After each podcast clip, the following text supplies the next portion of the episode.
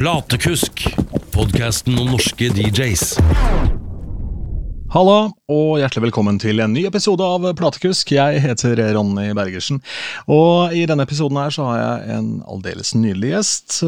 Roy Andersen, bedre kjent som DJ Konkret. Vi teipa her på en eller annen helligdag, det begynner å bli en liten stund tilbake. Skulle egentlig ta det på NRK.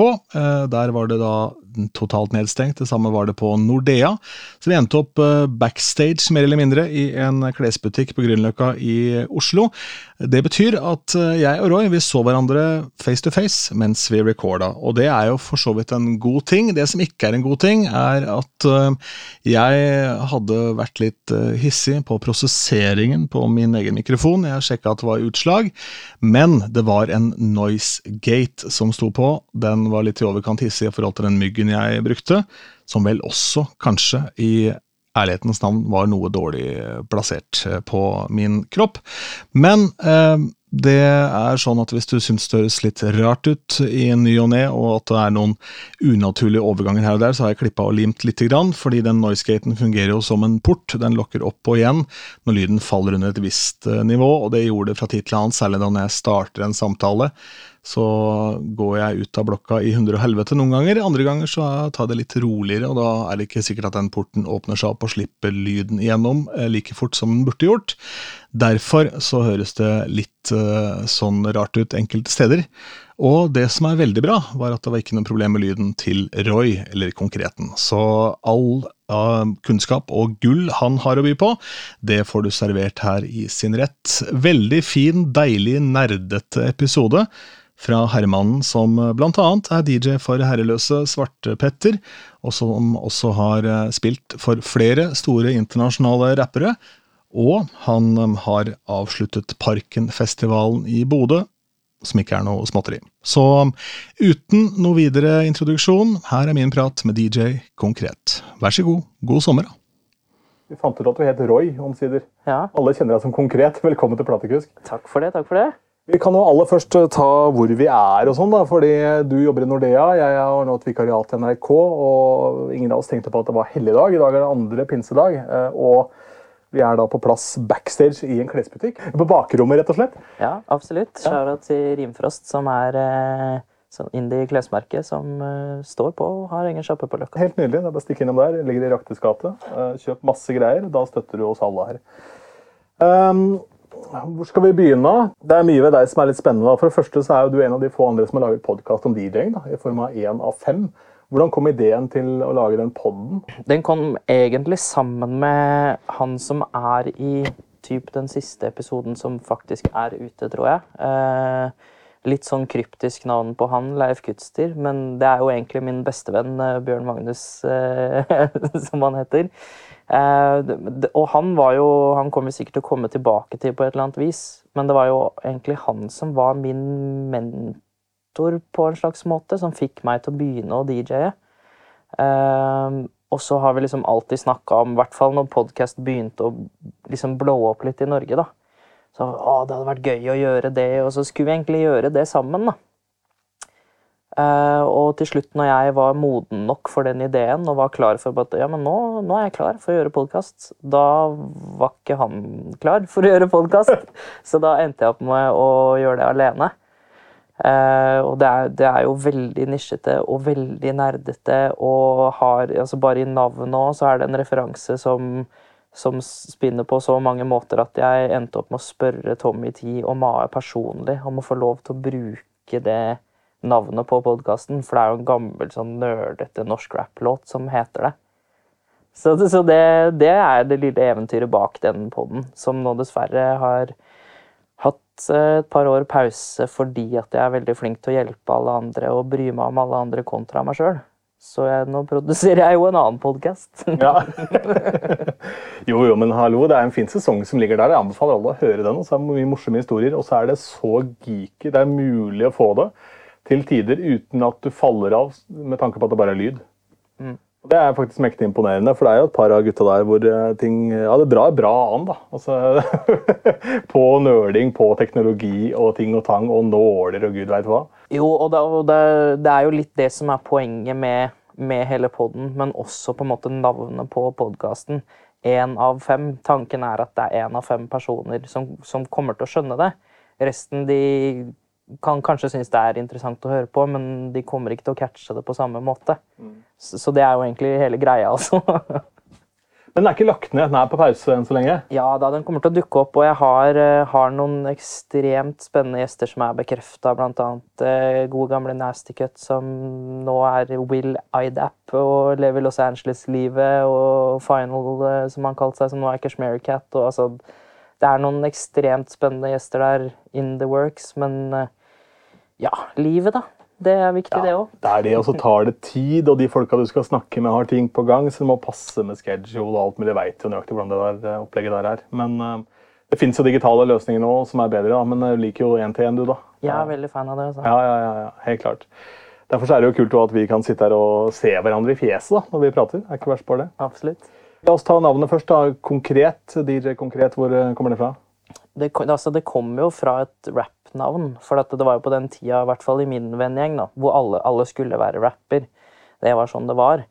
Eh, og jeg, corny nok, så, så hadde jeg et eller annet engelsk eh, rap-navn først. Fordi det skulle være kult og høres stilig ut. Og det var da Concrete. Ja. Og skrevet på en sånn veldig veldig corny måte som gjorde at det var jo ikke søkbart eller noen ting, og det var helt håpløst. Eh, og så begynte vi å satse litt i en rappgruppe som vi kalte for Frustrerte herrer. begynte vi å, å, å satse litt, og så sier min rappkollega at eh, du du kan ikke rappe på norsk og ha sånn corny engelsk navn. Det blir litt teit. Og så tenkte jeg, men da bare fornorsker jeg det, da. Så blir det konkret. Og det var jo da egentlig herr konkret da, først, som, som rapper. Så når jeg da begynte å satse på DJ-ing, så var det en veldig altså, Alle kalte meg bare konkret uansett, så det, det var en veldig enkel overgang. Noe, jeg måtte ikke tenke lenge på det navnet, for å si det sånn. Jeg lurte på om det stamte, om det stemte fra liksom, concrete på engelsk, skjønner du, fordi eh, mitt eh, minne som dukker opp også fremst i pannebrasken når man sier ordet concrete, det er et besøk i saltgruvene i Polen. Var der med hvite busser og skulle da til Auschwitz og disse forskjellige konsentrasjonsleirene. Og da er det også en tur i saltgruvene. Og Da hadde vi jo noen i klassen som kanskje var litt mer utagerende enn andre. da. Blant annet en som sleika på veggen med den saltgruva. Og sier 'Hei, gutta, det smaker salt', ass'. Hvor da han guiden, som var sånn Ligna litt på Ludge i Adams Family, sier 'That is actually concrete'. Ja, jeg skjønner. Så det var god stemning. Men eh, nei, så det, det tenkte jeg på. Så var jammen bra det hadde noe med betong å gjøre. Ja, det var noe betong, og så hadde altså, Alt skulle jo gi mening på en eller annen sånn der, flere metaforiske plan. Så det var jo en eller annen tanke om at eh, ja, jeg har som betong, for alle rappere skulle være så harde og kule, men også at jeg var Jeg har alltid vært sjukt veslevoksen og veldig sånn liker å være to the point. Da, så konkret, Det norske ordet konkret også. Så det var en sånn dobbeltbetydning der, da. Som, eh, som utgjorde det, egentlig. Jeg ser den. Eh, Hvor begynner eh, Altså, ja, ta rappinga først. da. Altså, hvordan, starter, hvordan starter dette her? da? Hvordan bestemmer du deg for at du skal begynne å spytte bars?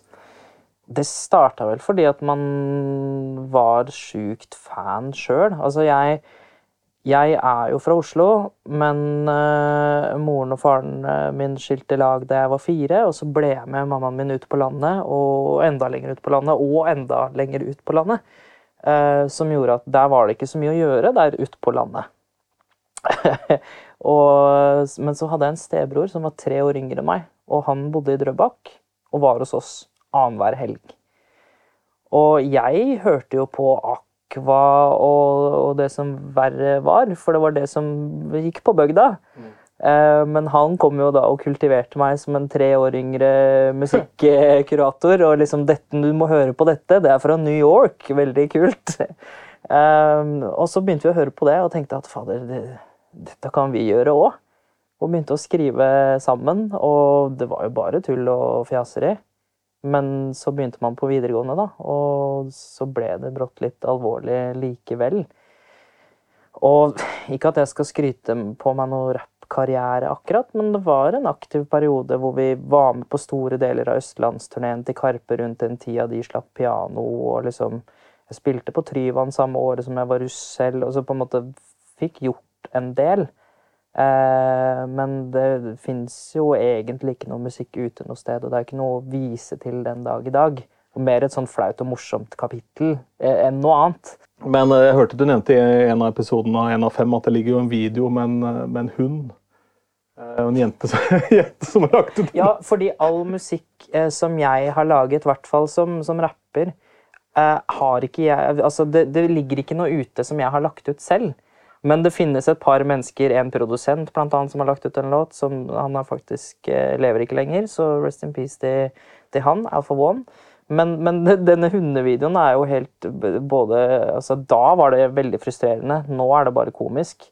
Eh, Men hun hadde jo lagt ut en av disse triste emo-låtene mine. Eh, og hvis du ikke har noe musikkvideo, da, så kan du legge bilder til. Så hun hadde jo lagt masse bilder av bikkja si som ikke har noe samsvar med musikken. Og jeg kjenner ikke hun, jeg kjenner ikke bikkja hennes. Så jeg sendte henne meldinger tilbake i den tid og bare sånn Hei, du kan du være så snill å ta ned den låta, liksom. Jeg bare sånn, Nei, den betyr så mye for meg. Jo, ja. Så den ligger ute på YouTube et sted. Helt forferdelig låt og helt forferdelig video. Altså, det blir jo bare verre og verre. Men nå må du bare eie det da, i nyere tid. da. Ja, ja, Det er jo noe med det. Eh, Men eh, når finner du ut at denne DJ-biten kanskje er mer forlokkende enn selve rappinga? da? Altså, Det hadde jeg egentlig funnet ut lenge før jeg begynte å rappe. Fordi det var scratchinga for min del som gjorde meg hooked, på en måte.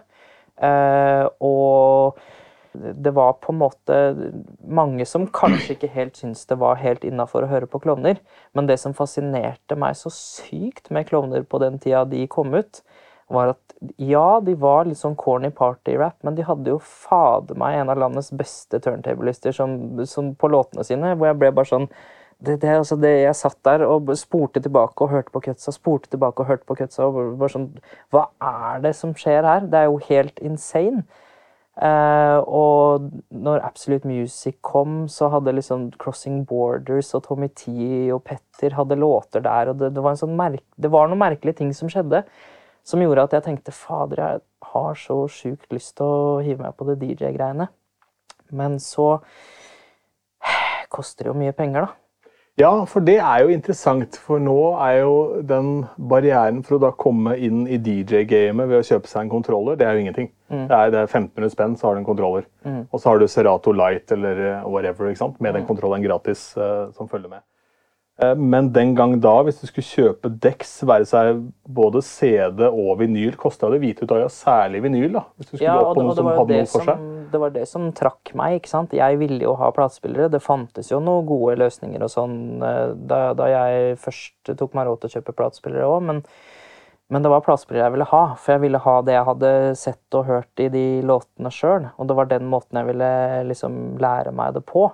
Så derfor tok det ekstremt lang tid før jeg fikk det i eget eie. For det, da jeg var konfirmant, så verken fikk jeg ikke så mye penger eller brukte penga på det, for da var det masse andre ting som frista istedenfor.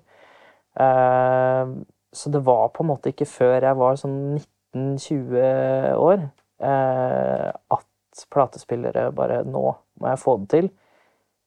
Og jeg var faktisk så smart at jeg eh, holdt på å si lurte Frifond eh, til å si at jeg skulle starte DJ-skole for barn.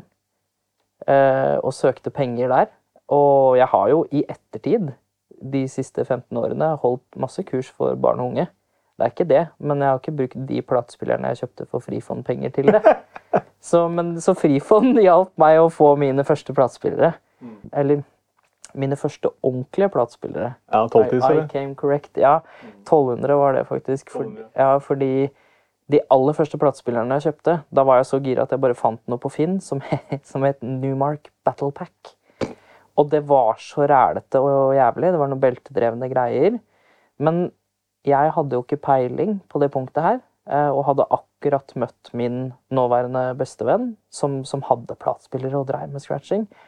Og jeg bare, fy fader, jeg vil, jeg vil lære det, jeg vil bli som han, så jeg bare kjøpte det første jeg fant. Og ringer han og er dritglad og bare sånn Fy flate, vet du hva jeg har kjøpt meg?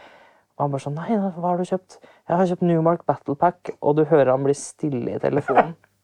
Og han bare sånn OK, eh, jeg skjønner. Du må selge det med en gang, og så må vi kjøpe noen Technics til deg. så Eh, Når er vi nå? Slutten av 90? Nei, nei, nei. Er, jeg var ekstremt uh, seint ute, jeg, vet du. Det er det som er uh, overraskende for mange, Mm. egentlig. Så det her var sånn 2010. typ, Oi, liksom. såpass, ja. Ja, ja, ja. Ja, der kan du se. Bare, du bare har noen noe innebygde skills da, som bare sørger for at du tar det med en gang. Ja, eller, eller som han holdt på å si, mentoren og bestevennen min sa, at uh, han ble ganske sur fordi han hadde jo drevet med det her holdt på å si hele livet. Og så blir han kjent med en fyr som kjøper plastspillere, og i løpet av en måned kommer på samme nivå som han. Da ble han litt sånn Fader ullan, det, det er ikke så gøy. Og så falt det i gryta. Og i tillegg så kjøpte han Numark Battle Pack. Altså. Men den, eh, på den tida og litt før, da, så var det var vel Stanton hadde vel noe ålreite greier. Technics var jo på en måte Rolls-Roycen, men så hadde også Vestax jævlig mye bra på den tida. da. Ja da, jeg endte jo opp med å kjøpe noen Vestaxer òg, og siden, siden den tid så har jeg både hatt mye forskjellig og har fortsatt mye forskjellig. Han eh, bestekompisen min han sier jo at faen, du, du, jo, du har så mye utstyr, så du kan åpne museum. Og det, det til en viss grad burde jeg nesten snart gjøre, for jeg har jo jeg har gamle turnémikseren til fingeren som han har brukt med klovner som han har signert. og liksom Jeg har et par sånne klenodier da, som, som er ganske kult å ha.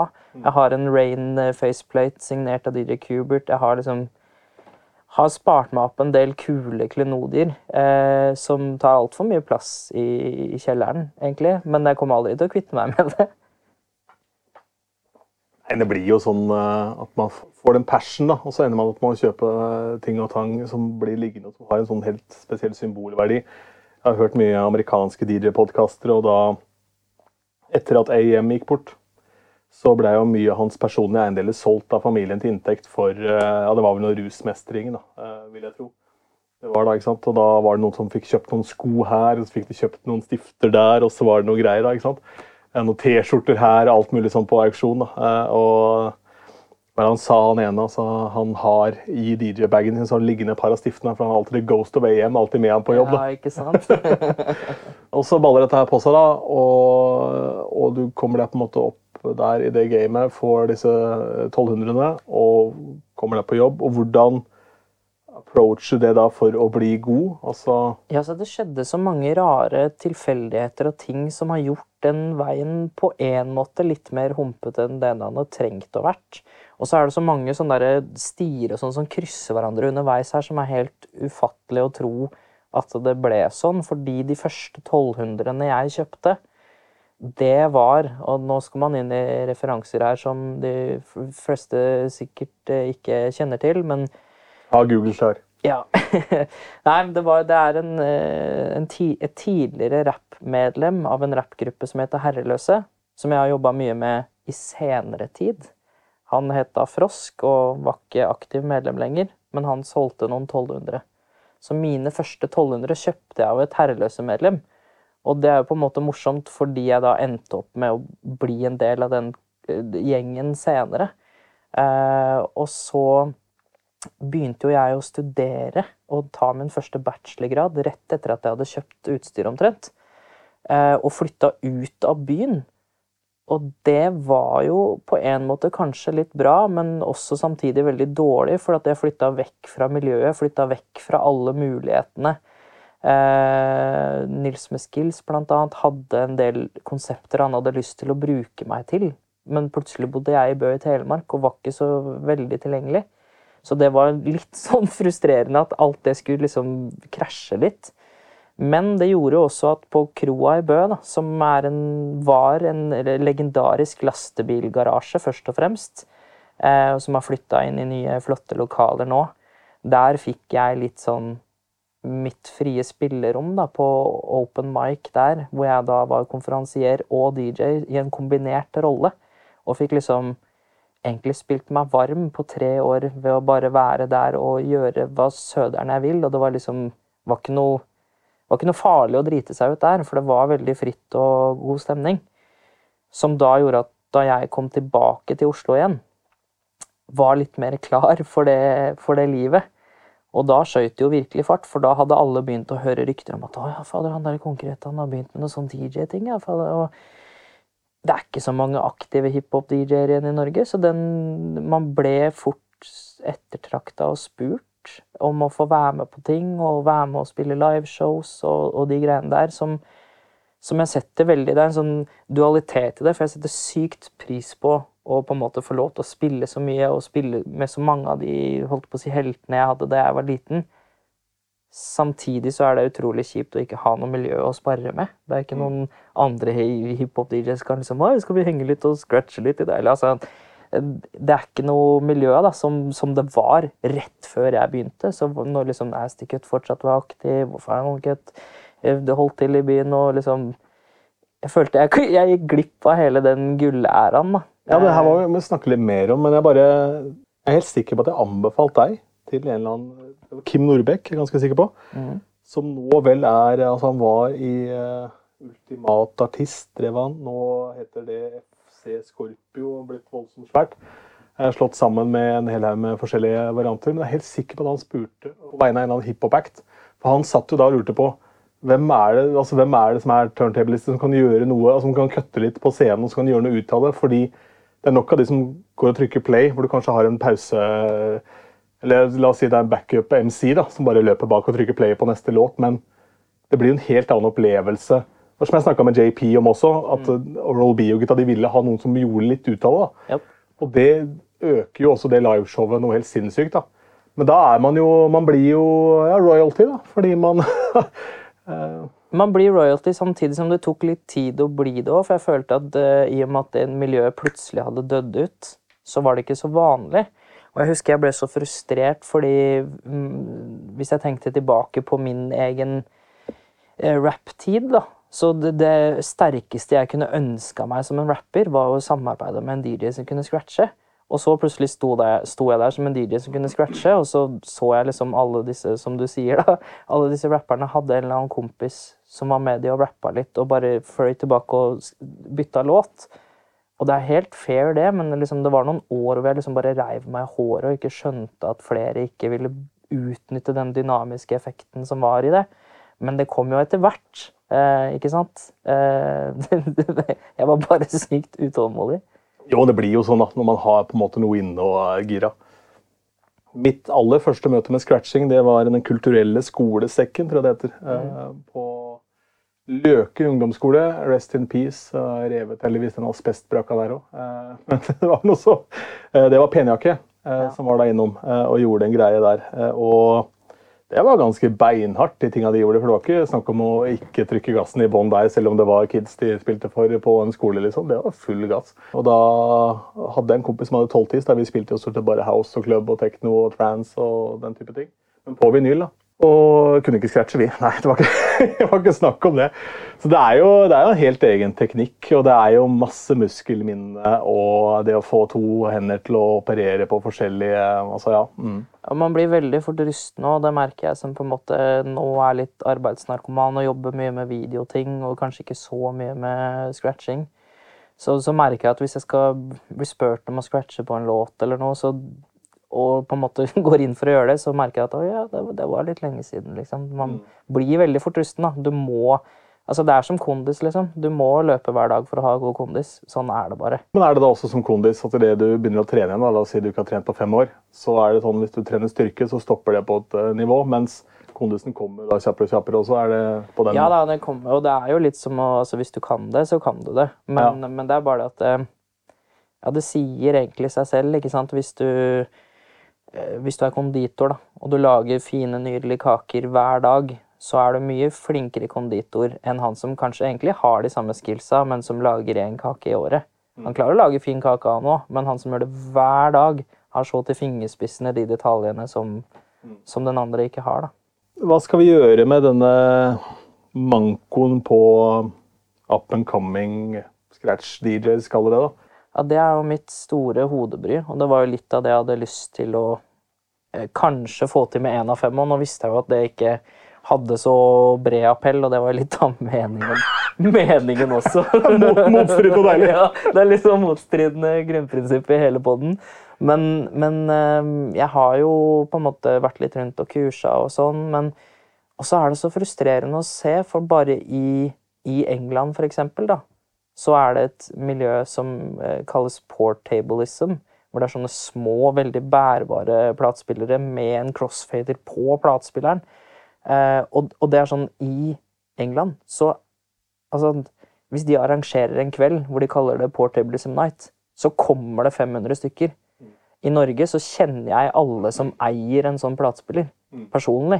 Så få er vi, liksom. Og det er ganske Altså, det er litt sånn hårfrustrerende å, å fatte, fordi det er Ja, jeg skjønner ikke hva sånn egentlig som er den store forskjellen mellom England og Norge på akkurat det, annet enn at alle disse virkelig dyktige forbildene, da, de bare plutselig forsvant ut av landet og ble store musikkprodusenter i LA og gjorde den greia der. Og det er kjempebra, det. Altså, all ære.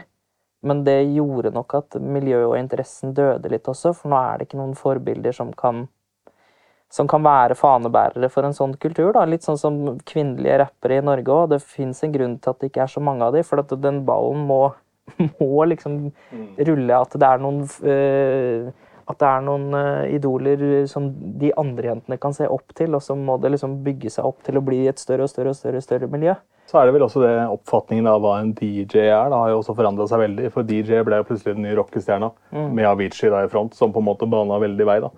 Eh, Og Tiesto selvfølgelig, som driver og selger ut fotballstadioner og står med henda i været. og Ja, og det, og det er jo det, noe av det første på en måte plansjen, holdt jeg på å si. Det hørtes ut som et veldig voksent ord, men uh, som jeg pleier å ha hvis jeg har DJ-workshops for ungdom, er det hvor jeg spør de hva er en DJ? Og så kommer jeg med noen navneeksempler. Er han DJ? Er han DJ? Er han DJ? Og så hvor jeg på en måte nesten er litt sånn gammeldags eh, grinebiter og sier at ja, nei, egentlig ikke i mine øyne, så er han kanskje ikke det. Han er en produsent, og han er grisebra produsent. Gjør ting jeg aldri kommer til å klare. Men når det gjelder DJ-virket og hva vi gjør på scenen, så gjør ikke vi de samme tingene. Det, det, det finnes ikke likheter, omtrent. Altså, det er så langt fra hverandre at det er nesten til å grine av. Jeg syns det er veldig rart at Det har jo ganske mye med bransjen her å gjøre tenker jeg. da, Men i USA så har jo de som på en måte kombinerer klubb og private events, brylluper, firmafester, whatever, da. Det er mye kortere vei mellom der. og Det er mye større respekt gjensidig. fordi det å skulle stikke og spille et nytt bryllup hver helg, så er det ja, mye av grunnstammen i sangen du spiller, er det samme, men samtidig hvert eneste bryllup er en Superbowl. Ja. Hver, eneste, sant, hver eneste gjeng er forskjellig, de har liksom den tilnærmingen. I helgen gjorde jeg et bryllup hvor, eh, hvor eh, grunnstammen av, eh, av vennene var asiatere. For det var en vietnamesisk jente og en norsk eh, gutt. Og da prata jeg mye med bruden først og sa ok, hvordan tilnærmer vi dette? Skal jeg forberede noe ekstra altså i forhold til det? Eller vil du ikke ha det? Altså, hva er greia? Liksom, hvordan eh, gjør vi det? For Hvis jeg skal dykke ned i det som er populært på Vietnam topp eh, 50 på Spotify, så kan det bli en interessant seanse. da. Og Hun sa det, hun hadde da to k-pop-låter, som var sånn old school k-pop, som var litt gøy faktisk, som hun ville ha. Og så sa hun så kan du spille noe nyere BTS, men ellers bare driter du i det. Ja. Men jeg var veldig glad at jeg hadde den infoen, for den gikk jo off som helvete, den der ene k-pop-låta. Som var en låt av Big Bang, faktisk. K-pop-bandet som har samme Det er en grunn til at norske Big Bang har så mye følgere i sosiale medier. Ikke sant? Det er på grunn av Jeg tror det er noen som har trykka feil. det er ganske langt imellom òg.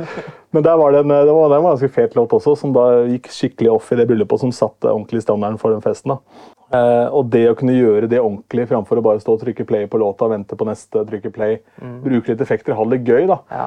Og i USA så er det også mange bryllupstider som scratcher. Det er baby scratcher, det er små, enkle ting, da, men ja. de gjør det med litt annen finesse. Eh, og det er jo ganske mye av den old school hiphop-bagen som Hvis brudeparet er 30, så er det jo fort tilbake på 50 og en del sånn Ja, hele halftime på Superbowl kan du egentlig spille der og få det til å gå ganske bra.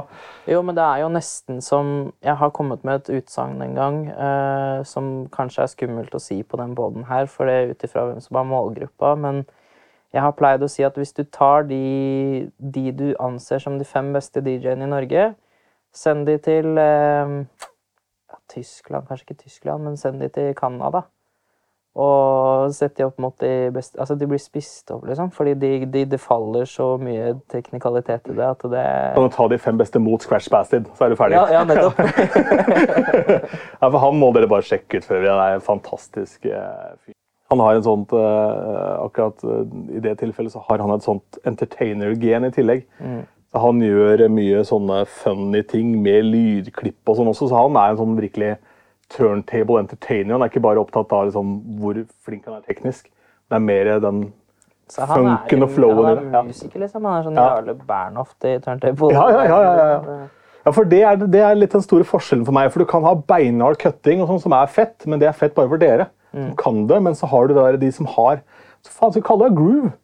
På en måte At det er en sånn smoothness i det. da. At det blir at det blir Jarle Bernhoft, det blir sånn polert, deilig greie hvor ting Men det er noe av det viktigste, mener jeg. da, For én ting er eh, eh, teknisk god og alt det der, men hvis du ikke har den funken, som jeg kaller det, da, hvis du ikke har den funken i stilen din, og at du ikke på en måte behandler det som et instrument For det kan godt være kjempebra note og teknisk messig, at liksom, men hvis, du, hvis det mangler musikaliteten i det, så er det som du sier, da. eh, Da, da mister man veldig mange. Eh, Og man mister faktisk en del av de ekte scratch-nerdsa også. For det er, noe, det er en ekstra dimensjon da, når du har, har det som Scratch Bastard har, for eksempel, da, liksom har den muligheten til å gi det så mye musikalitet at eh, bestemor kan synes det er kult, liksom. Det jeg misunner veldig da, med de som er gode på å scratche for uh, altså Jeg må lære meg dette på et tidspunkt når jeg spiller på kontroller, så ser det sånn harry ut uansett. Det kommer vi tilbake til med liksom uh, altså rotating platters og den biten der. Men det er det at da slipper du i hvert fall den kranglinga på at du står og trykker play. da. For alle ser at du gjør noe, alle skjønner at det du driver med, er da For alle har prøvd en sånn waka waka, og så funker det ikke. alle har prøvd å få til det, og så faen det? Er, det er ikke sånn det henger sammen. det her liksom. Men det tror jeg er en sånn common misconception i Norge òg, at eh, litt av grunnen til at det kanskje ikke er mer populært òg, for det er mange som kanskje tenker at «Nei, men scratching det er litt masete og sånn. Ja, det kan fort bli det, men, men hva med de som da virkelig er gode og får Det er litt det, da. For jeg har møtt flere hiphopere òg som liksom sier sånn Nei, vi kan ha noe scratching i låta mi. Og så bare sånn Å ja, men du liker jo den den låta og den og den amerikanske artisten, og det er kjempekul kutting der. Ja, men det er noe annet. Og sånn Nei, det er ikke det. det Du nevnte port, eh, portablism. da. For de som ikke aner hva det er for noe, eh, det er garantert mange. Hva er det? Hvem produserer disse tingene? Hva koster det? Altså, Da må vi nesten inn i bare kjapt forklare turntablism-begrepet, som, som er jo det platespillernerd som meg sjøl kaller oss. At man bruker platespilleren som et instrument, og da ofte på en måte tungt influert av, av scratching. Og jeg har hørt mange forklaringer på hva det egentlig hvor ordet egentlig stammer fra. At det er turntable perfectionism. Og at det er liksom, og er, ingen er enig, ikke sant? De lærde strides. Men det er ikke så viktig. Begrepet er i hvert fall turntablism. Og da har det begrepet flytta seg over til portablism, som rett og slett bare er en portabel versjon av det å være turntablist. At du er portablist. Eh, og det kom rett og slett med disse små platespillerne som, som er portable, som du bare kan ta med deg en park og, og sitte og leke med. Og opprinnelsen til de kom egentlig fra disse gamle Westax Handytracks-platespillerne som, som mange crate-diggere har hatt med seg i platesjapper bare for å høre på skivene før du kjøper de. Som er, ser ut som en sånn liten koffert som du bærer. Eh, og så begynte det å bli utvikla eh, portable crossfadere som du da kunne koble til disse. Og så kunne du liksom scratche litt på det, ja, men det var litt dårlig, ja, men, men det var gøy for det, liksom. Og så begynte da For alvor var det vel egentlig Newmark som var de første som tok det på alvor og så at hei, her, her er det, det, nå skjer det noe spennende i miljøet. Dette har vi lyst til å være med på.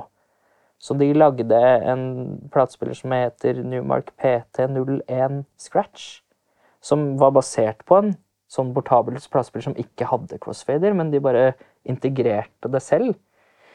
Nå skal det jo disclaimes at det faktisk ikke er en crossfader på den, men en sånn liten sånn flicker switch. Nesten sånn eh, Sender en tanke tilbake til Fono line-switchen. Ja, de som cutta og- med det, ja, ja. med det.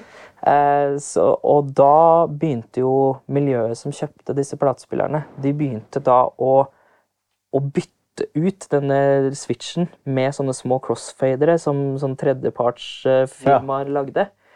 Og så da begynte flere utviklere å hive seg på, så da begynte Reloop å lage en egen platespiller, og så har det kommet flere og flere brands, da, så nå begynner det å på en måte bli en del gode platespillere som faktisk kommer med crossfader innebygd, og som er liten og portabel nok til at du kan ha den på fanget. Men hva, hva er inngangsprisen her, da? For la oss si at du, du må sikkert ha den crossfaderen for det skal bli noe gøy. da. Så du, må, du trenger selve spilleren, så trenger du en crossfader. Altså, hva, hva må du ut med? Jo, men som sagt, nå har jo noen selskaper som Reloop og sånn kommet med at crossfaderen allerede er integrert. Eh, nå skal jeg ikke påstå at jeg husker Reloop-prisen i hodet, men den rimeligste fortsatt, som er denne Newmark-versjonen, som har den lille switchen, de er ikke så dyre, skjønner du. Det koster sånn 1500 kroner. eh, Og så er det blitt veldig populært i dette miljøet å bytte ut en og en. At du bytter ut og får en bedre tonearm, og at du bytter platter. Det er nesten litt sånn derre moddemiljø, hvor folk syns det er gøy å nerde og, og kjøpe ting og bytte. Og, og hvordan er din, og ikke sant. Så det blir en sånn egen sånn merkelig kultur rundt det òg. Men inngangsprisen er ikke så høy, og det er det som er litt kult. Og det er det som er kult når folk da som er litt interessert i scratching, da, som kanskje ikke verken har råd eller plass til å kjøpe seg en eh, Technics eh, 1210 og en svær, bra battlemixer i tillegg. Eh, Da ryker du på mange tusenlapper, liksom. Mens 1500 kroner pluss kanskje litt upgrades, det er en mye hyggeligere inngangspris. Det er en kveld på byen. det. Så. Ikke sant? Og det, og det er jo da Det er jo fortsatt en platespiller, og det er fortsatt en fysisk plate. Det er ikke noe Serato. Det er, ikke, altså det er, det er plate, det er nål, det er crossfader. Så du lærer det på den i gåsetegn riktige måten, da, som jeg fortsatt mener at det kanskje er, fordi jeg kan scratche på en kontroller, jeg, og gjør det mye hvis jeg spiller ute. Men jeg tror nok ikke jeg hadde klart å scratche så bra på en kontroller hvis jeg ikke hadde forstått hva jeg egentlig skal mimike. For det er jo det du egentlig gjør. Det mimiker jo en ekte platespiller. Og når du kan basicen, så klarer du å utnytte teknologien mye bedre også til å forstå hva det faktisk gjør. Og i hvert fall nå som det kommer så mange forskjellige knapper og effekter, så kan du trykke, og liksom, å, så transformer den av seg selv. Mens hvis du faktisk skjønner hva som skjer, eh, når du hadde gjort det analogt, da, så har du mye større forståelse for hvordan du skal bruke det til din fordel. Ja, det er jo det samme med alt nå for all teknologi. Vi kan jo ikke sitte på en måte og si at alt var bedre før, for da blir du han gamle idioten. Eh, Det er jo samme med beatmixing. Hvis du lærer å mikse med øret, så har du jo på en måte grunnstammen der, og da veit du også ok, er, Jeg bruker nå synk-knappen masse for å da temposkifte, f.eks. Det er jo helt konge, ikke sant? for da kan du jo da bare sette den låta du skal i La oss si du skal 100 BPM, da, så går den eh, i 92. eh, Den du spiller, men så skal dere opp i 100, så er det bare beats på vei ut. liksom, Så kan du bare pitche den opp uten problem med synk. Da. Er ikke jeg spesielt god til å synke, så jeg tror ikke det gjør så veldig mye annet. Nei, men det er akkurat det, og det er funny at du sier, fordi jeg er ikke noe god med synk, jeg heller. Jeg har faktisk brent meg så jævlig på synk en gang at jeg er litt redd for det, men Ja, fortell, da. Men, nei, det var en av de første gangene jeg brukte en digitalkontroller. Eh, da var det på en spillejobb vi skulle spille på et sted nede på Grønland, eller en sånn liten lokalsjappe der.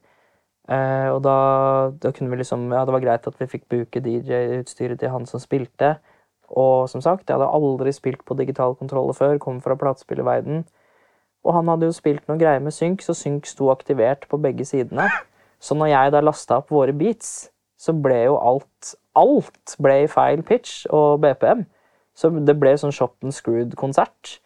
Eh, men han rapperen jeg spilte med, han var på en måte eh, Kan jo diskutere om det var profesjonelt eller ikke, men han valgte i hvert fall Istedenfor å stoppe og si at noe var gærent, så kjørte vi hele showet i liksom konstant feil BPM. Og etterpå så spurte han om det var noe rart. så, Ja, men- For da var det synka til den spilleren hvor du hadde, Yes, hadde effekter og sånn? Ja, ja. sånn, Så det var jo helt på jordet.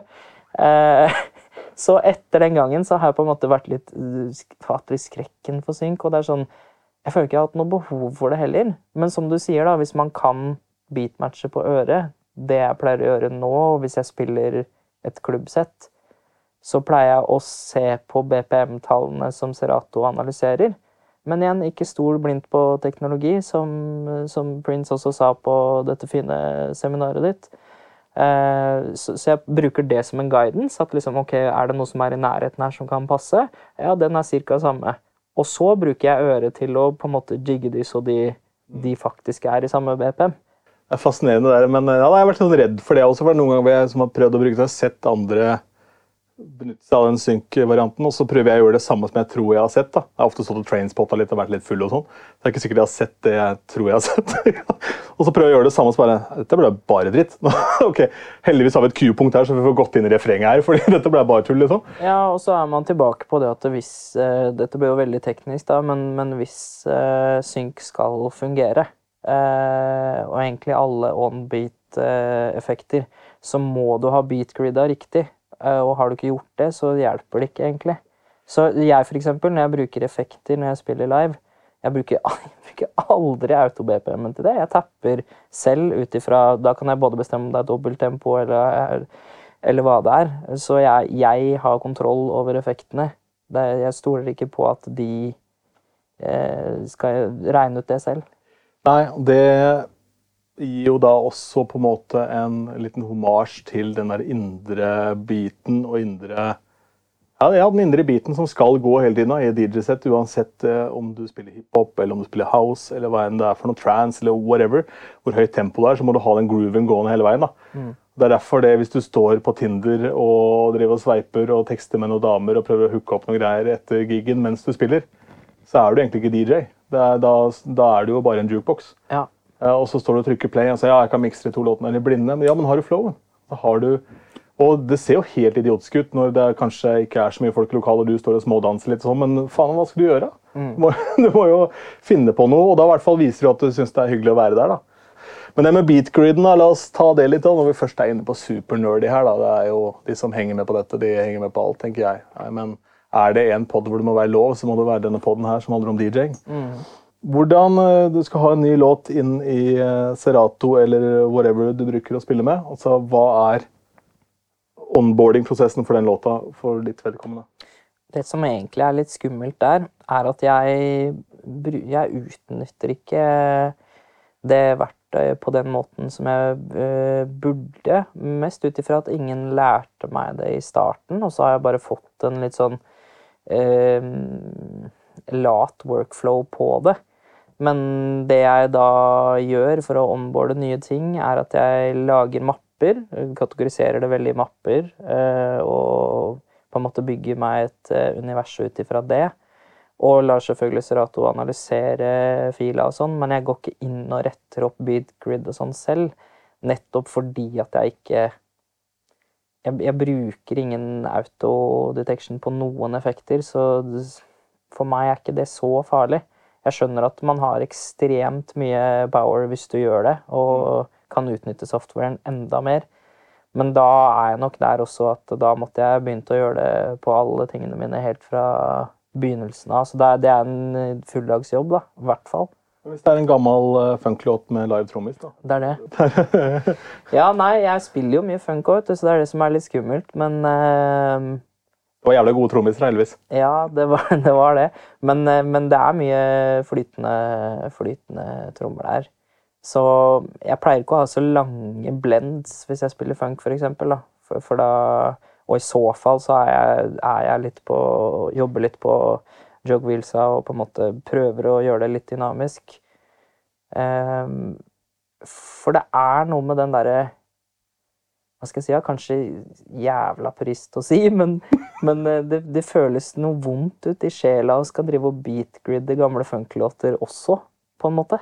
Mm. At det blir det for perfekt, liksom. Mm. Jeg vet ikke, det, det, er noe Jeg har en sånn aversjon i meg mot det også. jo, jo, ja, jeg ser den. Det er for så vidt greit. Og så er det en annen ting at uh, som jeg har slitt veldig med. Det har tatt jævlig lang tid å venne meg av at en overgang eller en miks ikke er en beatmix. Det må ikke være det. Du kan droppe den på eneren. Du kan, hvis du kan, så kan du scratche den inn. Altså, all denne droppmiksinga altså, I bryllup nå, de hiphop-setta jeg gjør, da, som ofte er sånn som vi nevnte med throwbacks til liksom Dr. Dre-ting og California Love, eh, som også er liksom samme bagen eh, med også Dre, da, men eh, 50, en del av de greiene der, så er det, det stort sett bare drop-miksing. Vers, refreng, vers, refreng.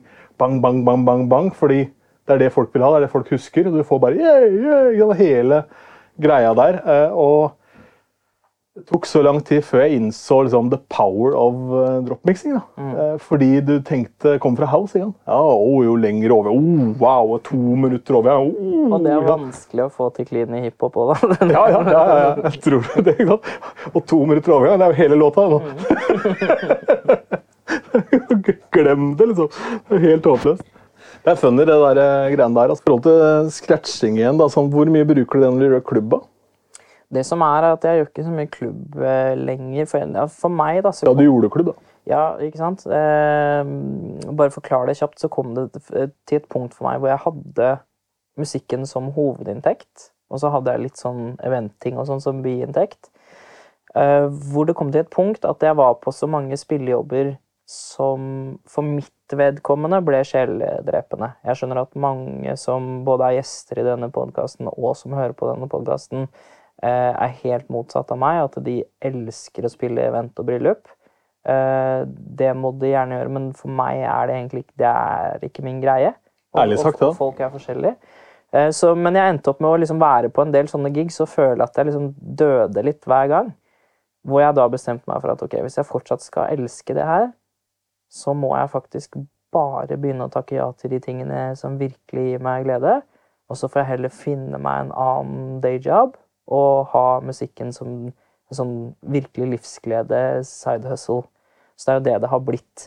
Så hvis jeg spiller klubb, da, eller ofte når jeg turnerer med artister, så ender det opp med at jeg spiller både før og etter også. Kommer litt an på hvordan det er solgt inn til det stedet. Men da er det jo alltid noe scratching inni det. Eh, men jeg prøver å gjøre det på en veldig sånn tasteful måte som gjør at eh, Ja, jeg, jeg drar liksom ikke gitarsolo og stopper opp og liksom at folk Jeg får ikke, dreper ikke dansegulvet med det, liksom. Jeg krydrer heller litt der det kan passe seg. Ja, det var jo bare Jazzy Jeff sier. altså Scratching er seasoning. altså Du kan, du kan ha salt og pepper, eller du kan få vindaloo. Ja, det er akkurat det.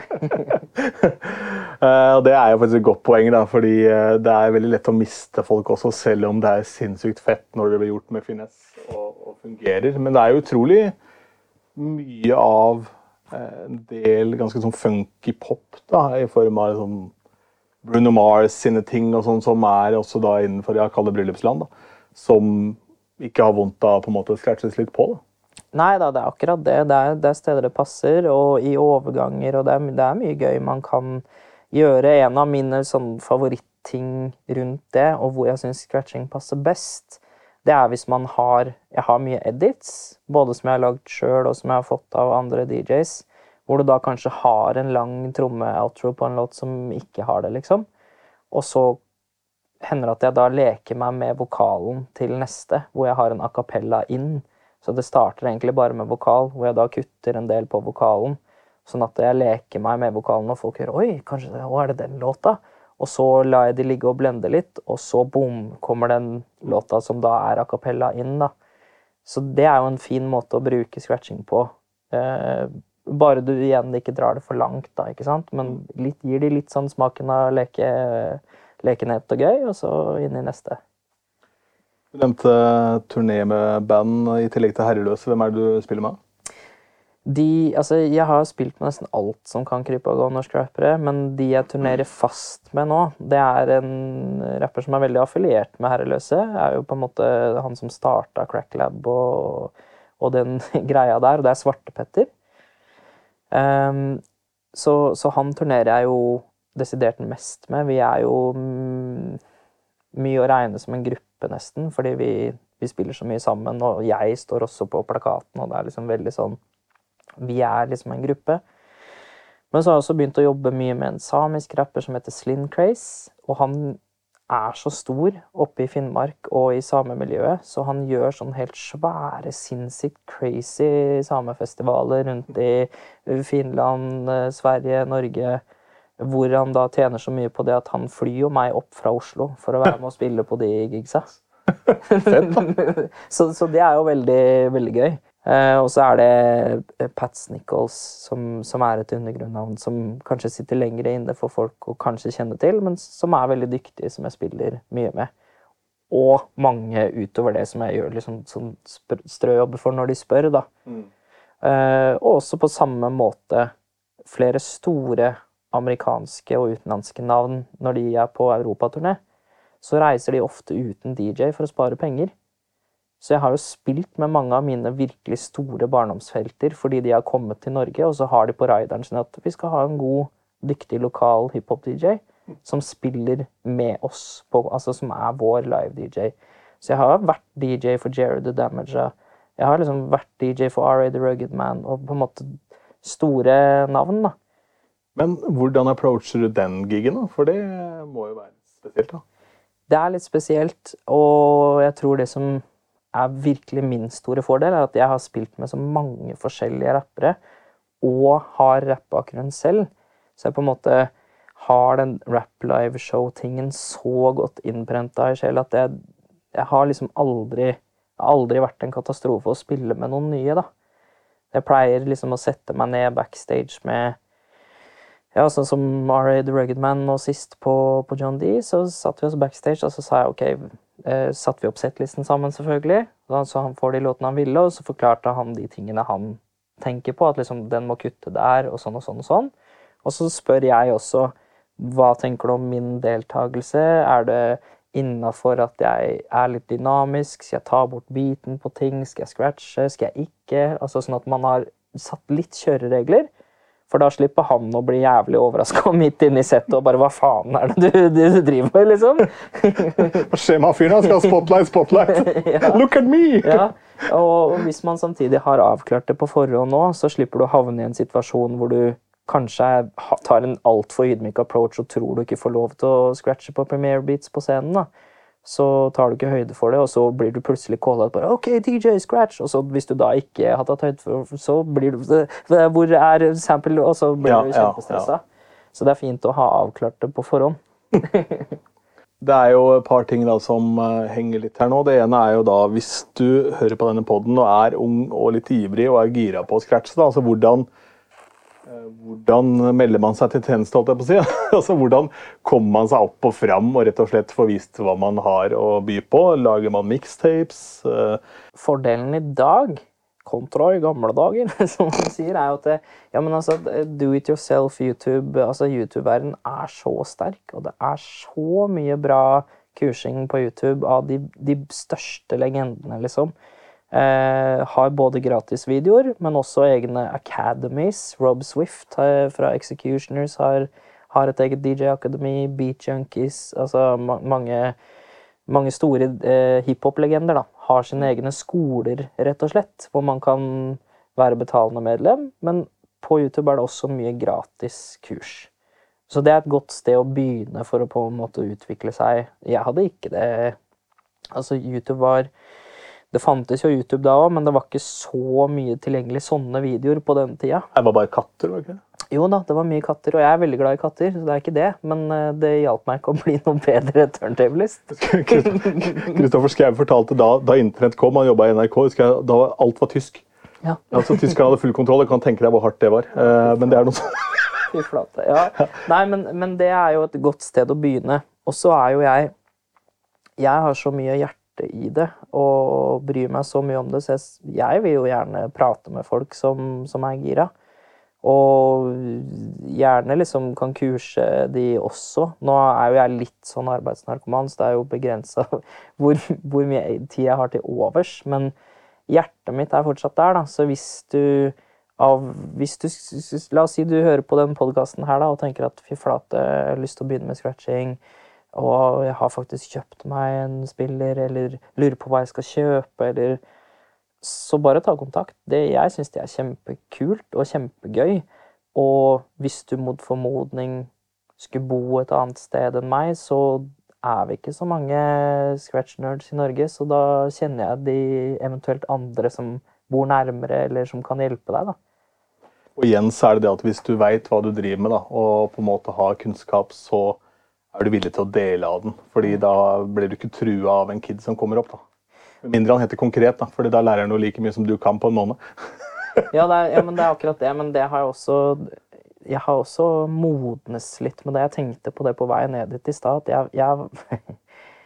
Kanskje litt fordi at hiphop er liksom battlekultur og tøff i trynet-kultur, men det var en periode hvor jeg var veldig sånn Hvor jeg bare skulle være tøffing og kjekkas, og kanskje ikke ville dele mine hemmeligheter. Men nå har jeg kommet til det punktet at det er mye bedre hvis jeg kan ha et miljø å, å snakke med, enn at jeg skal sitte der aleine og kunne alle hemmelighetene. Og ikke at jeg kan det heller, men den, den eh, Ja, det er bedre å være inkluderende, da.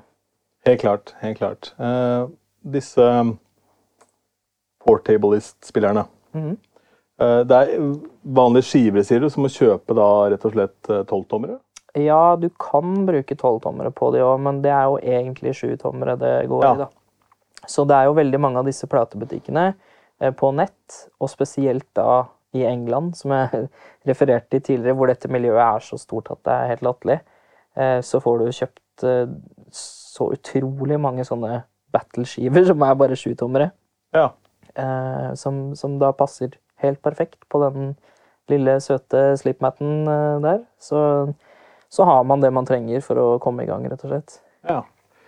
Ditt forhold til, uh, til kontrollere med da rotating platters. Vi har liksom Rain, har en Rain 1, Rain 12 heter den vel, eh, de, de doble.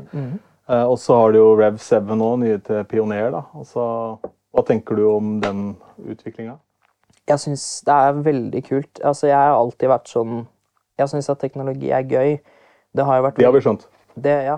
men, men det er mange, som, mange sånn gamle grinebitter turntablister som er sånn Nei, teknologien ødelegger eh, kulturen. Og nei, den gjør ikke det. Du må bare lære deg å utnytte den, så, så kan det være gøy. Sånn som Face, som er, ser ut som sånn små USB-sticks som du putter opp på plata, og så tracker det mye bedre enn alt annet eh, som finnes. Eh, er gøy teknologi. Det var litt sidespor i forhold til det du spurte om. Jo, jo, men det er også litt relevant, da, fordi eh, det hadde jeg faktisk glemt litt. Men det også er jo Hvis du skal spille med nåler, da, så er det jo avhengig av at de på en måte er på jobb. da, Mens med face-teknologien så er det avhengig av at de har strøm. da, så bør kanskje ha et backup-sett, men Ja, og det, og det som er med nåler og sånn, én ting er at du kan ha verdens beste nåler sjøl, men eh, hvis du spiller på en klubb som har platespillere For de fleste platespilleraktive DJ-er, de reiser ikke rundt med egne platespillere. Det er litt heavy. De spiller på mange steder, sånn Jeger og Blå og sånn, som har platespillere. Problemet der er at de platespillerne har fått så mye juling, så de tonearmene er ikke til å stole på. Og da har du en del kontaktpunkter inni den tonearmen, så selv om du har verdens nyeste, dyreste, fineste DJ-nål, så kan fortsatt den tonearmen skape så mye trøbbel for deg at det, at det blir vanskelig. Og Derfor er det bra at eh, teknologien utvikler seg og kommer med en løsning som er ja, vi har eliminert det, det, det problemet. Det, nå fins ikke det lenger. jeg har aldri prøvd face. Ja, men eh, det må jo, det eliminerer vel også da faren for liksom bass, rumling, alt. alt. sammen. Ja, Så det er, det er Det er for perfekt, da. Ja, nei, men det er veldig gøy. Jeg har jo Face og var en av de første i, i Norge som kjøpte det. Eh, er Pre-orders og hele pakka. Eh, men jeg har ikke brukt Jeg har liksom ikke fått lekt meg så mye med det enda, men det det, Ja, jeg er fan av det, da, og følger med på ny teknologi og sånn. Og moving platters, eller rotating platters på kontrollere, har jo har jo egentlig eksistert en god stund. Og Newmark var jo sånn sett lenge på en måte kongen av det med disse NV7, eller hva det heter for noen kontrollerne sine. Og de har jeg prøvd å spille på, men for meg så ble ikke Det, det, var, ikke, det var ikke helt riktig. Det var nesten mer gimmick-følelse. Eh, Men ikke sant det, Som med all teknologi, de, de first movers, som man kaller det, da, de vil alltid bli straffa, og så kommer det noen og kopierer teknologien noen år senere og bare nailer det. Og det er jo det jeg mener at Rain har gjort nå. Rain 12, som ser ut som en 12-10-platespiller bare uten tonearm, det var den første liksom, virkelig store kontrolleren som kom.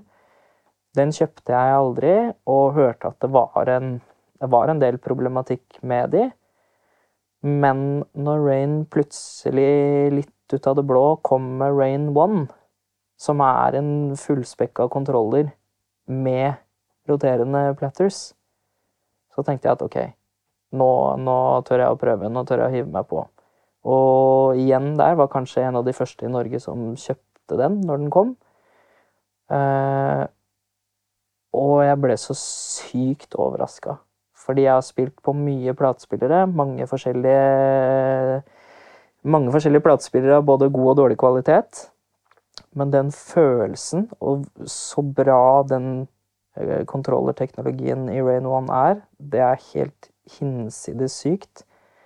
At jeg nesten tør å påstå at det er farlig, fare for å motsi alt jeg står for her, men det føles nesten bedre å kutte på enn vinyl. Altså, det er så bra teknologi at det er det, Ja, jeg kutter utrolig bra på det, liksom. Og det, det føles Ja, det føles skikkelig bra. Og som gjorde, når jeg da først faktisk fikk det hjemme i stua og hadde kjøpt den, øh, og skjønte det i tillegg, at ikke bare var jeg tøff nok til å teste det nå, men nå er det så bra også, da ble jeg litt sånn wow. Nå har jeg den kontrolleren jeg skal ha, jeg. Så tok det jo tre måneder, og så kom, så kom Pioner Rev 7, da. Eh, som jeg ikke har prøvd ennå. Men, eh, men jeg er såpass glad i den Rain One at den kommer til å være med meg lenge.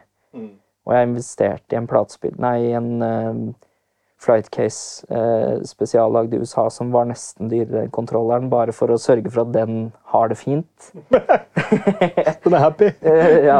Så, så, så ja, jeg er veldig imponert over denne teknologien og hvor bra det går. Og som, som jeg sier, da, det fins nok mange purister som vil si sånn at nei, men det, det ødelegger eh, scratch-kulturen og turntablisme. Og bare sånn, nei, det gjør ikke det, for det er det samme. Bare mye mer kompakt og så mye punch uh, bang for the buck, der, rett og slett. Og så senker det lista for at du har muligheten til å være med på morgenen uten at det koster det hvite ut av øyet. Her er det digitalt i tillegg, så du hooker det opp mot Serato er det vel på Rain. da. Ja. Eh, og Pioner Ja, den er jo Serato, den over? Det er Serato, 7, ja. Eh, Jeg har ikke testa den sjøl, men den får jo rave reviews. da. Og det som er gøy nå, er å se hva Rain svarer med. Mm. Ikke sant?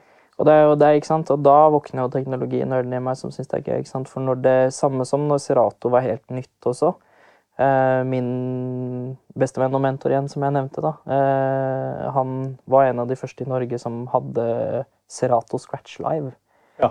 Og den teknologien Best in peace. Er Ja, den. Og den teknologien, en, da var den litt halvdårlig, og var ikke helt optimal.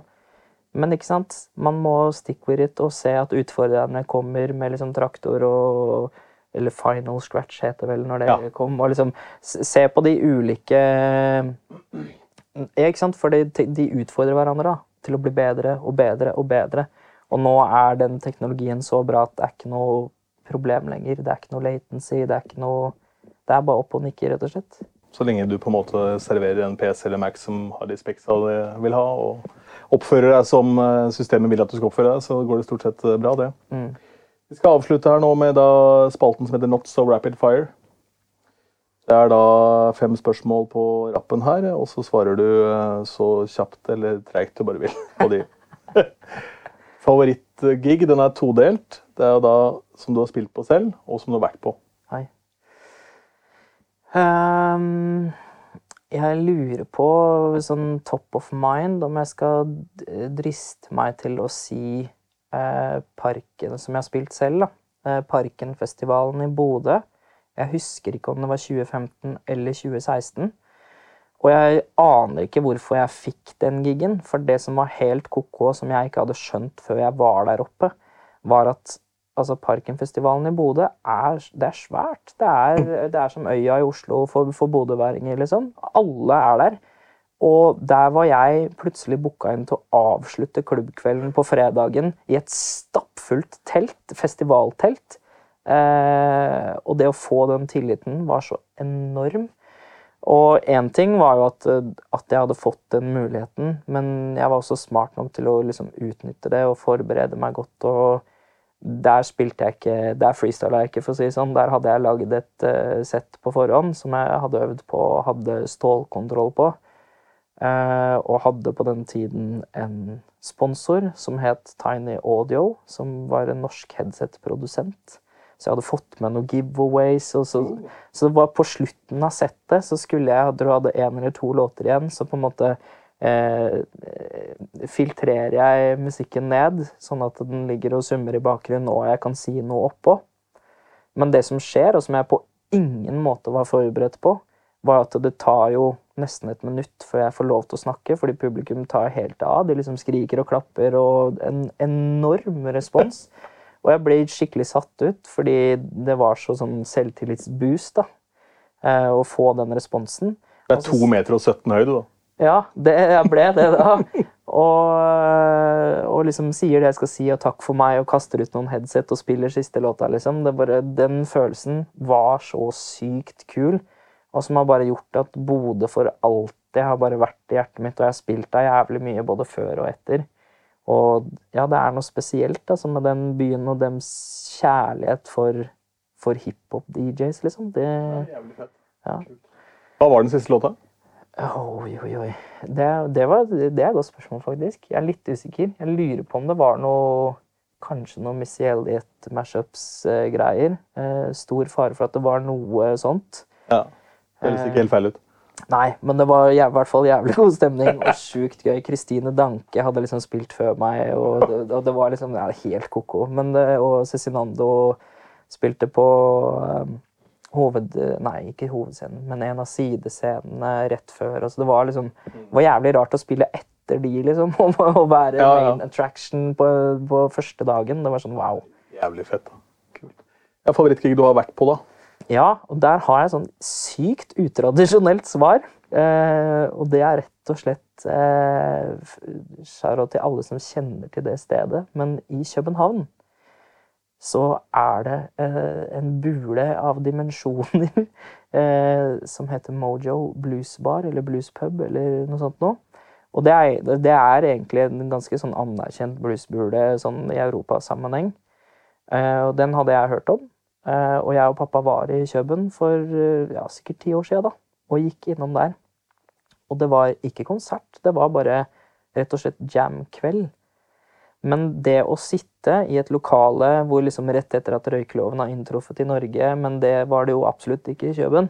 Skjære Så, så du kunne skjære, skjære gjennom lufta, men med liksom hvor folk bare spiller så hjemme så jævlig bra blues. Eh, liksom. Ja, det, det er sånn Det er så minne da, som sitter så sterkt, bare fordi det gjorde så inntrykk og var så autentisk og ekte, som jeg nesten er redd for at jeg aldri kommer til å oppleve igjen. Nettopp av at det er så mange ting ved den atmosfæren og sånn som er vanskelig å gjenskape. Jeg har en sånn lignende greie, helt andre enden av skalaen. da, for Det var jo så lite kred det er mulig å få det. Men det var i Boston, og på en pub eh, vi var og skulle se The Who. Så er det er vi da nede i liksom bargata på en helt vanlig tirsdag, tror jeg. Det er ikke noe særlig med folk. Det er ti stykker inne i den puben, da, som kanskje har plass til 150. Og Hvorav vi er to av de, og vi er innom for bare å ta en øl. Og så kommer det en kar, en sånn trubadur-type, som setter seg og spiller. Liksom, eller spiller en helt sånn vanlig rett opp og ned Oasis Wonderwall-låt. liksom bare. Ah, orker det her nå? Så hører jeg at han kan spille gitar og sånn. Og så det ikke jeg har sett, er at han har en sånn jævlig svær kasse bak seg. da. Så, så plutselig så er han fyren her da utkledd som Britney Spears. da. Og så spiller han Hit Me Baby One More Time. da.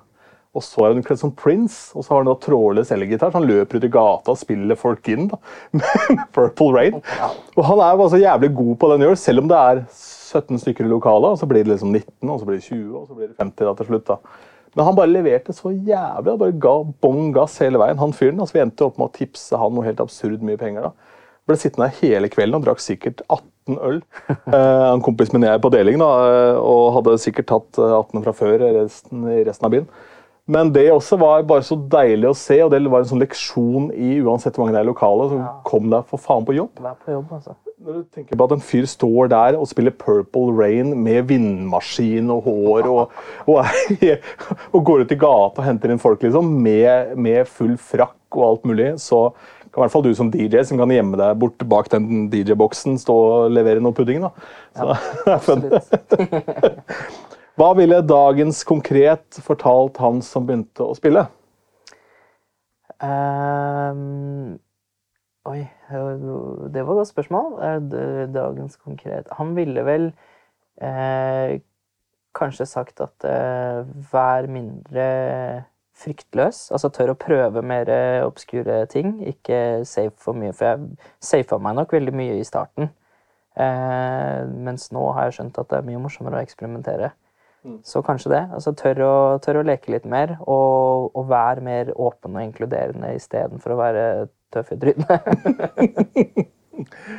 Um, det er jo én ting, men det var noe vi snakka om før vi, før vi starta her òg, at man Du har blitt kjent for å være en jævlig hyggelig fyr, da. Uh, og jeg husker da vi begynte å ha dialog om å gjøre dette intervjuet for en stund tilbake, så så jeg den forrige meldinga som du hadde sendt til meg. da. Der sto det 'Har fremdeles ikke strøm'. For jeg booka deg til den første Nebben-festivalen som gjorde Lillestrøm. Og da var du så langt ned på prioriteringslista, for da skulle du spille på vippen der. Eh, Og så var det sånn Ja, jeg er her med Dex, det er PA her og noe greier, men strøm har vi ikke, nei. Og da kokte det så jævlig da for å få det. Da husker jeg, og da så jeg ja, dørene åpna for to og en halv time siden. Fremdeles ikke strøm! uh, og du redda jo ræva mi faktisk også en gang. eh, Jeg trengte en S6, husker jeg. Jeg skrev i DJ-kollektivet. Jeg veit ikke hva som hadde skjedd, om jeg hadde glemt inn hele jævla kontrolleren på et eller annet sted. Ja, det var et eller Ja, i annet. hvert fall, i hvert fall så var det sånn panikk. Da Da var du og studerte i Volda. Og sånn, ja, stikk innom fatter'n, han fikser det. Så sto det der. Så det er jo kanskje også det å um, Ja, ref det vi prata om med poden også, at man er sånn veldig på tilbudssida, men så må man tenke litt på seg sjæl òg. Ja, og det, det Igjen, da, med å være inkluderende er noe jeg har lært, samtidig som jeg også har lært å bli flinkere og ta vare på meg sjøl òg. For at jeg har alltid vært sånn verdensmester å liksom bare bry meg om alle andre. Ja, I fix. Men man, man må huske seg sjøl òg, det er viktig, da. Helt klart. Uh, hva liker du best å gjøre når du ikke DJ-er? Uh, og det fant vi ut nå at jeg liker det best å gjøre som rekreasjon, kanskje. Nå så, hva er det som er favorittgeskjeften når ikke det jobbes som helvete eller DJs?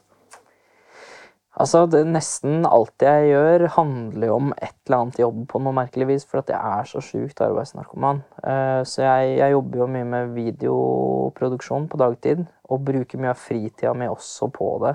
Litt sånn skada. Uh, men jeg finner en sånn enorm liberation i det, da. Og du kan sitte på en på en fridag som det her og bare sitte og klippe, både redigere bilder eller klippe film, og mange tenker liksom kanskje 'herregud, så mye du jobber', men men jeg kan sette på noen god musikk og bare forsvinne. og bare sånn, Det er min utsoning, da.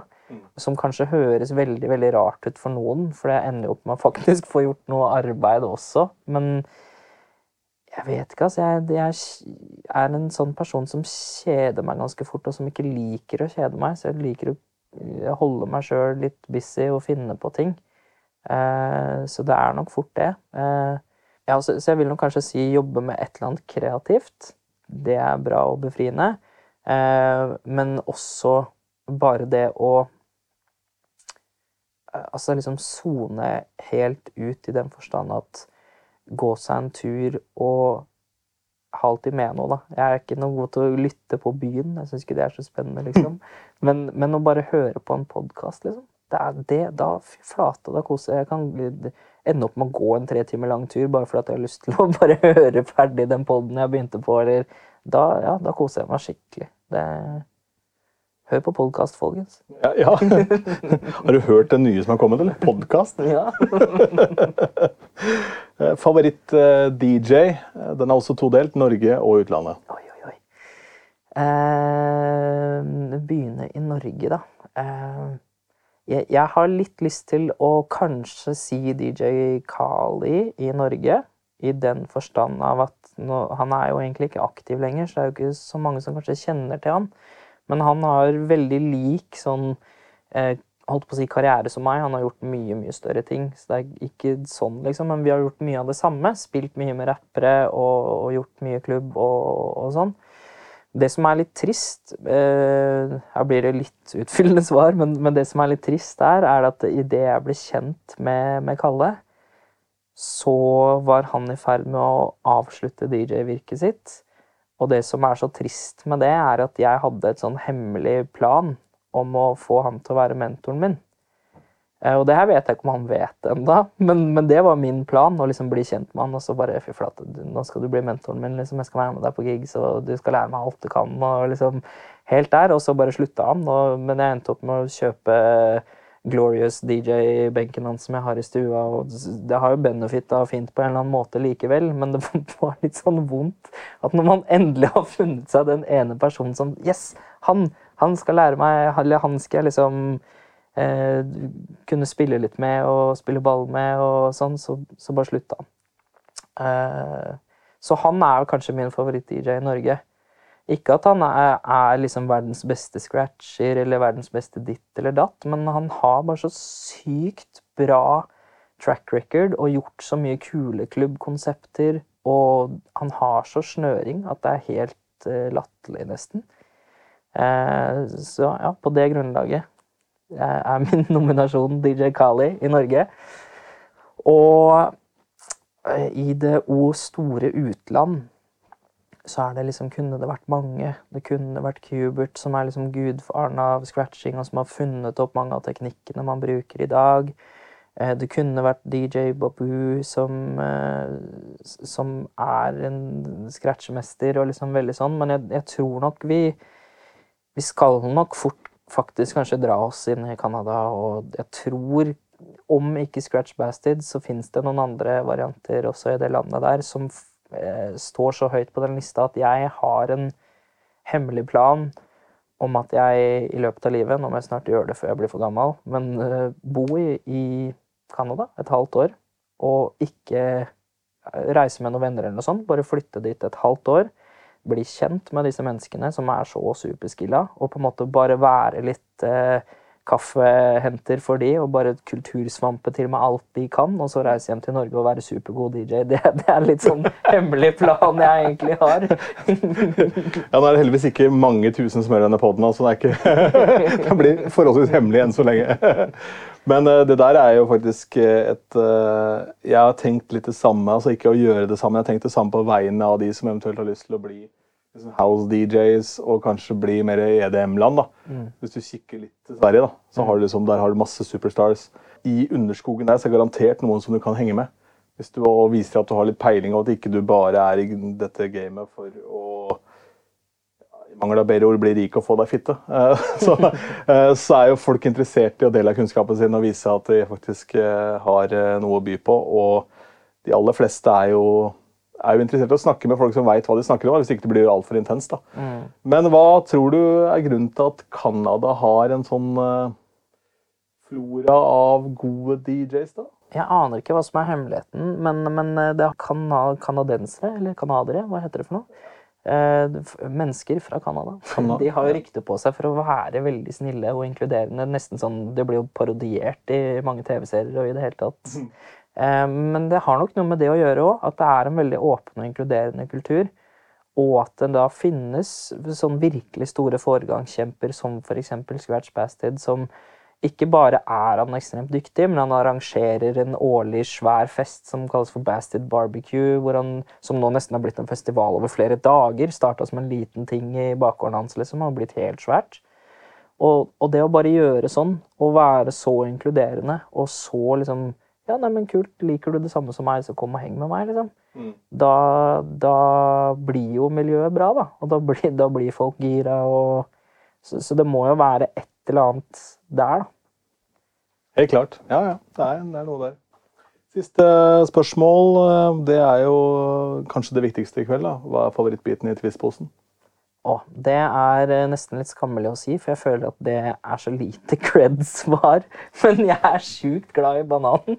Men jeg føler at alle jeg sier det til, de bare sånn Nei, ikke banan, Roy. Ikke nei, nei, nei. nei. Den er liksom ikke innafor å like. Men eh, den Nei, jeg liker den. Men ikke, ikke 20 av den på rad. Da spyr jeg, tror jeg. Men, men den er god med én. Det ligger én i ballen opp på NRK som ingen vil ha. Ja. På NRK PM Pluss-redaksjonen her. Så når vi slipper inn i lokalene igjen, så skal vi etter hvert få, få muligheten til å spise den. Eh, takk skal du ha, Roy, eller Konkret, som alle kjenner deg som. Og igjen da, shout-out til eh, Rimfrost. Eh, som er sjappa der hvor vi sitter nå på bakrommet. Og føles litt som vi på en måte trespasser, på et vis. At vi har oss inn, men eh, du har jo connections. Så uh, veldig bra. Det er ikke alle intervjuobjekter som ordner eget sted å avholde intervju, så takk for praten. Selv takk. Og under poden her så finner du da kontaktinfo på Konkreten, så hvis du vil prate med han om uh, et eller annet, lurer på noe tech eller noe sånt, så fyr av gårde en mail. Ikke forvent å få mailen tilbake på et kvarter, men svaret kommer, for han, han trenger noen å snakke med, stakkars. ja. Du har hørt Platekusk, Podkasten om norske DJs.